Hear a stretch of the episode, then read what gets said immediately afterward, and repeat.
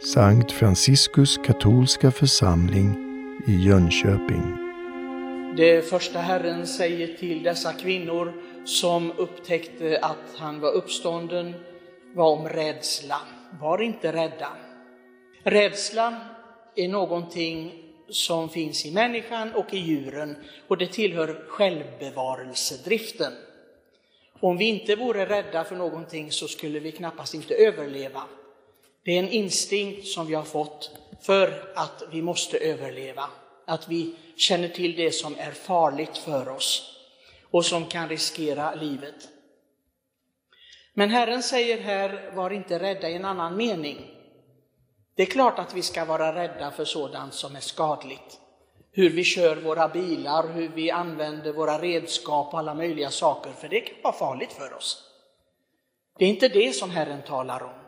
Han talar om en helt annan rädsla, den fundamentala som oroar väldigt, väldigt många människor.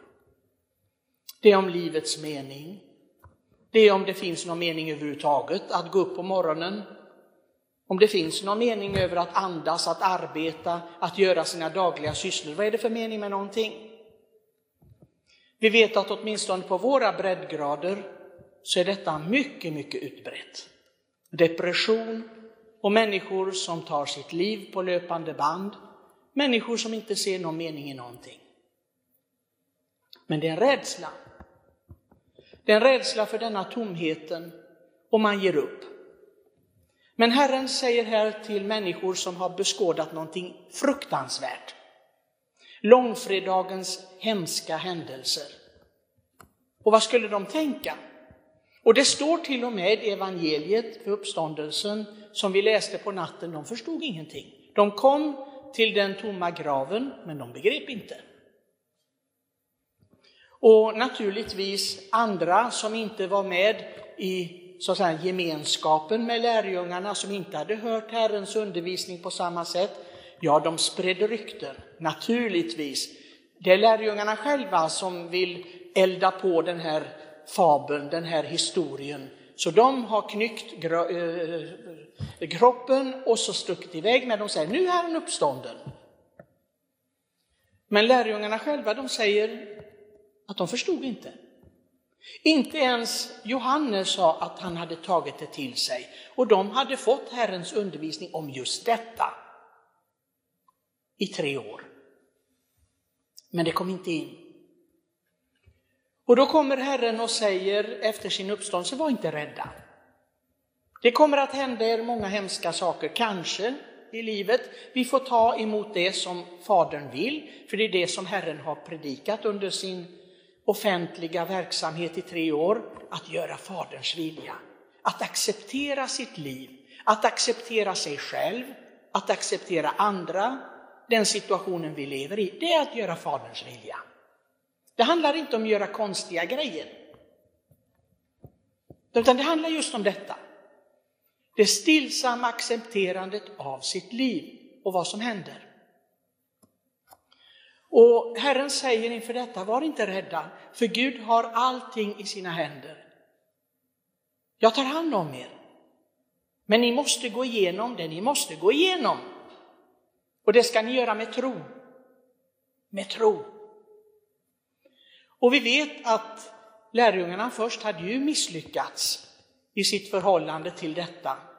När de såg så att säga vad som hände mästaren, han som hade undervisat dem, Messias. De stack allihopa. Och sen gick de och gömde sig av rädsla för att bli förföljda, även de. Men det är ett bevis på uppståndelsen om något, det som hände senare. För sedan kom de fram. Men det finns också en annan rädsla kanske. Rädslan inför det man själv är, som Herren vill ta bort från oss.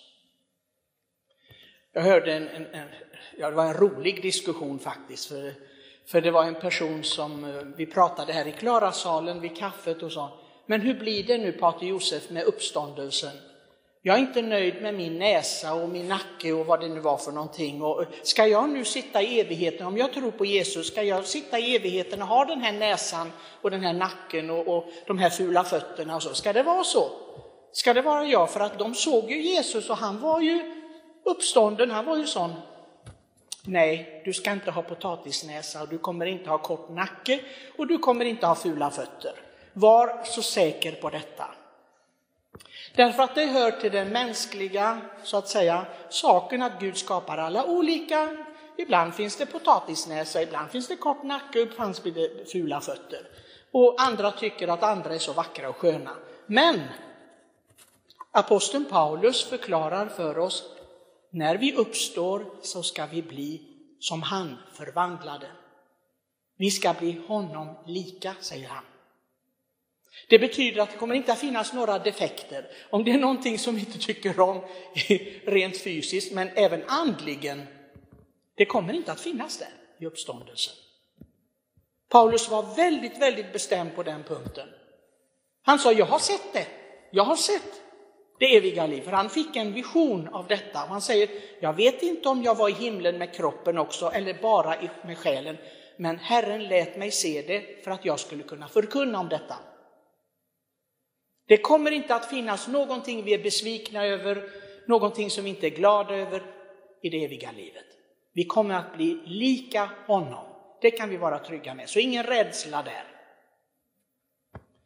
Det vi ska engagera oss i, det är ju naturligtvis hur vi ska bli Kristus lika på det andliga planet. Att vi får den här förmågan att kunna se allting det som händer i livet. Det är pandemi nu, det får, det, vi får bara acceptera det. Vi får acceptera våra länsstyrelser och våra poliser och, och allt vad det nu är för någonting. Det är bara att acceptera. Det är lite bråk och tumult, men vi får acceptera allt. Vi får acceptera hur det är i livet överhuvudtaget och göra det, försöka göra det med ro. Med ro. Jag hade några församlingsmedlemmar som på påskafton ville göra protest runt kyrkan här och, och grejer. Nej, nej, nej, gör inga sådana dumheter. liksom, var i ro. Be om, om Länsstyrelsens frälsning istället, sa jag till dem. Va? sa de. Jag vet nog vad jag ska be för dem, sa den här kvinnan. Nej, det vet du inte. Du ska be om räddning och frälsning för alla människor. Det är det som Herren vill. Om du tillhör Herren Jesus, då ber du bara om välsignelse och frälsning för alla, även våra motståndare. Vad gjorde Herren? Har du firat långfredagen? Vad sa Herren för dem som spikade fast honom och hade plågat dem? Vad sa han? Kommer du inte ihåg det? Mm. Han sa, Fader förlåt dem för de vet inte vad de gör. Det är precis vad han sa, det är en lätt fras att komma ihåg. Alltså det är inte svårt. Även om jag inte tycker att jag är den intelligentaste människan på jorden, men det är väl väldigt lätt att komma ihåg. Och också förstå vad det betyder. Fader förlåt dem för de vet inte vad de gör. Det, ni förstår, det är ju, det är ju trappstegen för, för att komma upp till himmelen. Och om vi inte har det i oss, ja, då har vi ju ingenting i himlen att göra. Vi måste bli Kristuslika, det är det det handlar om. Vi behöver inte vara lika i vad, vad Jesus hade för hårfärg eller ögonfärg eller längd eller, eller bredd eller vad det nu var för något. Vi har, vi, det är inte så vi ska likna Herren. Men vi ska vara lika Herren i detta, att acceptera Faderns vilja. Och vi ska vara lika honom att gå omkring och hela och bota. Och då kanske ni säger, hur ska jag hela och bota? Jag är ingen läkare. Jag jobbar inte inom sjukvården. Det är vår uppgift att läka och bota. När vi ser människor som verkligen lider i sin själ, som upplever meningslöshet i livet och misslyckande och sorg. Och så. Vi ska vara där och läka och bota. Vi ska försöka uppmuntra så gott det kan med ord, men framför allt att vi bär den människan i vårt hjärta och fram till Herren och ber Herre läk honom. Bota henne. Överge inte denna människa som behöver dig. Hon vet det inte själv, men jag vet det och du vet det Herre. Du vet att den här människan behöver dig.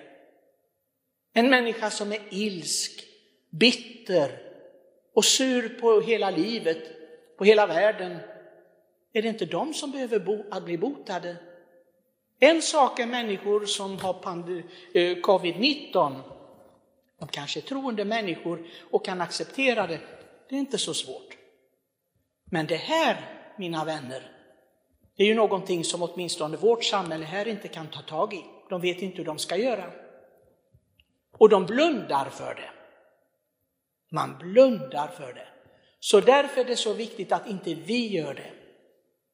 Vi som träffar så många människor där ute som verkligen lider av detta, inte har uppståndelsens ljus inom sig, må vi bli Kristuslika och komma med helande och botande. För det är det någonting som är kraftfullt så är det bönen. Det visar Herren i den sista striden. När han blir pryglad, när han blir avrättad, han ber för oss alla. Så förbönen, den är så mäktig och jag har, jag har fått sånt bevis många, många gånger. Människor som de inte trodde var någonting att göra med, men vi har bett i vår kommunitet för de personerna. Och sen får vi höra, det är bra nu. Herren har gjort sitt. Det är förbönens makt och det är att leva i uppståndelsens ljus. Amen.